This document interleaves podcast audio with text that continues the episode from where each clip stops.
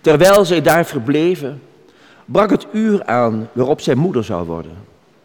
Zij bracht haar zoon ter wereld, haar eerstgeborene, wikkelde hem in doeken en legde hem neer in een kribbe, omdat er voor hen geen plaats was in de herberg. Maar voor eer Jozef en Maria in Bethlehem waren aangekomen, hadden zij al met elkaar de ongewoonheid van hun verbintenis beleefd. Aan Maria had de engel gezegd, de Heilige Geest zal over u komen en de kracht van de Allerhoogste zal u overschaduwen. Daarom ook zal wat ter wereld wordt gebracht heilig genoemd worden, zoon van God. Nadien was aan Jozef de engel in een droom verschenen om hem gerust te stellen over de zwangerschap van zijn bruid. Jozef, zoon van David, wees niet bevreesd Maria, uw vrouw, tot u te nemen. Het kind in haar schoot is van de Heilige Geest. Zij zal een zoon ter wereld brengen die gij Jezus moet noemen, want hij zal zijn volk redden uit hun zonden. En toen, terwijl haar uur aanstaande was, hadden zij op reis moeten gaan om zich voor de volkstelling te laten inschrijven. En daar, ver van huis, beviel de moeder van het goddelijke kind buiten de stad in een grot, gebruikt als stal voor dieren, omdat er voor hen geen plaats was in de herberg. Was de herberg te vol, dat zij niet werden opgenomen? Of was er wel plaats, maar geen plaats voor de weldra bevallende vrouw en haar begeleidende man? Was het alleen ongastvrijheid of een berekening? Gastvrijheid is de spoedig tevoorschijn tredende koning van de Joden niet ten deel gevallen. Alleen al om te tonen dat zijn koningschap niet van deze wereld is. Zo heeft het moeten zijn, zo heeft de hemel het voorbeschikt. Hij die bestond in goddelijke majesteit, heeft zich niet willen vastklampen aan de gelijkheid met God. Hij heeft zichzelf van zichzelf ontdaan en het bestaan van een slaaf aangenomen. Hij is aan de mensen gelijk geworden.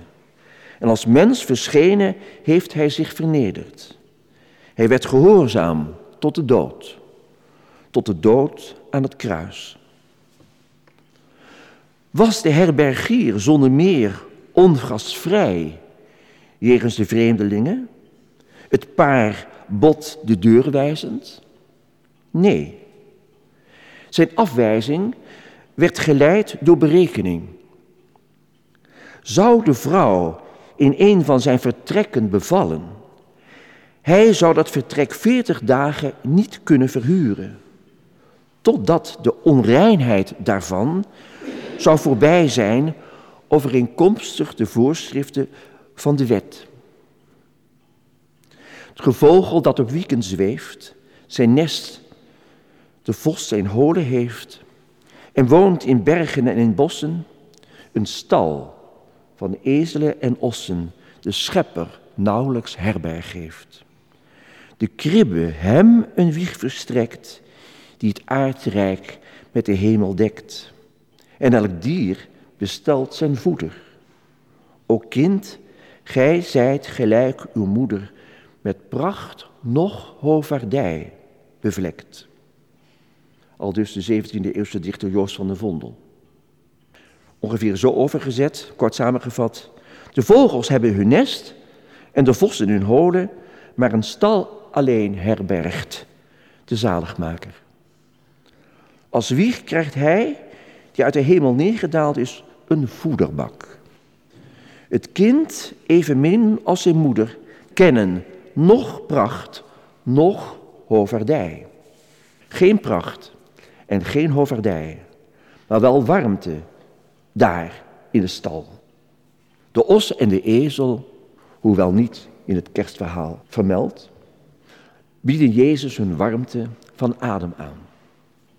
Gewaarschuwd door de engel die onder de sterren van de kerstnacht met een gehele legerschaar het Gloria in excelsis Deo, eer aan God in de hoge en vrede op aarde voor de mensen van goede wil heeft gezongen, haasten zich de herders met hun schapen naar Bethlehem om te zien wat er gebeurd is en wat de Heer hun heeft bekendgemaakt.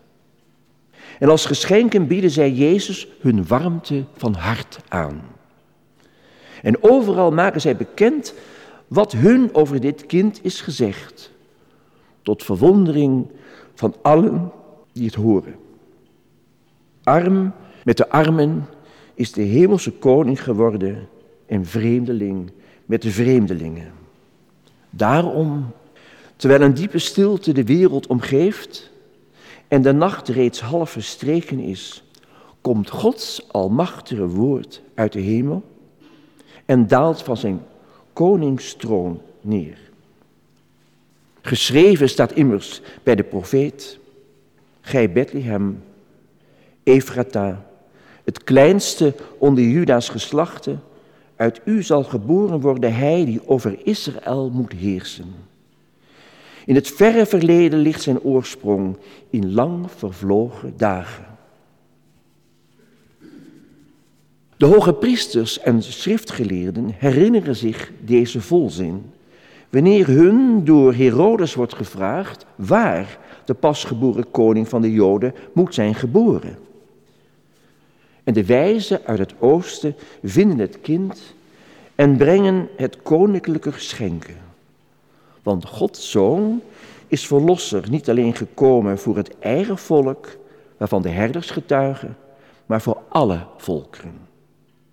De blijde boodschap waarvan Christus ons deelgenoot maakt, is bestemd voor iedereen.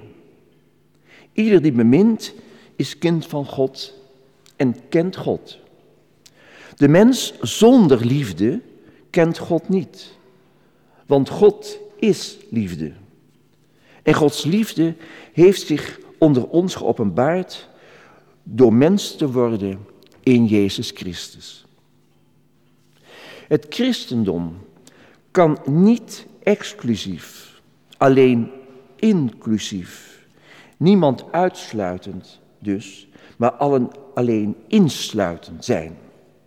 Het is de roeping van elke christen God boven alles te beminnen, maar tevens elke naaste als zichzelf. God meer dan onszelf, de naaste gelijkelijk met ons, niet minder dan onszelf. De wijzen zijn vertrokken en opnieuw verschijnt de engel Jozef in een droom. Sta op, neem het kind en zijn moeder, vlucht naar Egypte en blijf daar tot ik u waarschuw. Want Herodes komt het kind zoeken om het te doden. Jozef stond op en week in de nacht met het kind en zijn moeder uit naar Egypte. En terwijl de heilige familie zich spoedt op de vlucht, worden alle jongetjes in Bethlehem van twee jaar en jonger vermoord. Zo gaat het woord van Jeremia in vervulling. Een klacht werd in Rama gehoord, geween en luid gejammer. Rachel, wenend om haar kinderen, wil niet getroost worden, omdat zij niet meer zijn. Arm met de armen, een vreemdeling met de vreemdelingen, blijkt Jezus met Maria en Jozef ook vluchteling met de vluchtelingen. Zoals hij ook alleen is met de mensen die alleen zijn. En zich bekommert om hen die eenzaam zijn, teleurgesteld en achtergesteld, niet geacht en niet bemind. Omtrent, dit alles schaft Johannes in zijn eerste brief deze raad.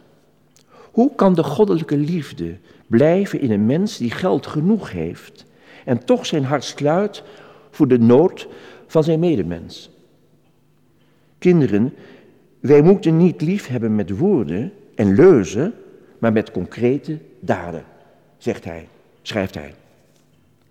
Vragen wij ons dus eenvoudigweg af, draag ik bij aan het voeden van hongerigen en het lessen van dorstigen, het bezoeken van zieken en het bezoeken van gevangenen, het kleden van naakten en het opnemen van vreemdelingen. We keren nog eens terug naar de kribbe, naar de gebeurtenis van blijvende ironie, waar de omgekeerde wereld geldt. En zulks nog eens aan de hand van Joost van de Vondel. Hier voert de neergedaalde God de trotse wereld om met spot. In zijn triomf tot smaad ter hoven, hier voert hij het nederige hart te boven, met hem in het onverwinbare slot.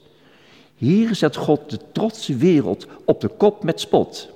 Zijn triomf is aan het nederige hart, dat onoverwinbaar blijkt aan het slot. Amen.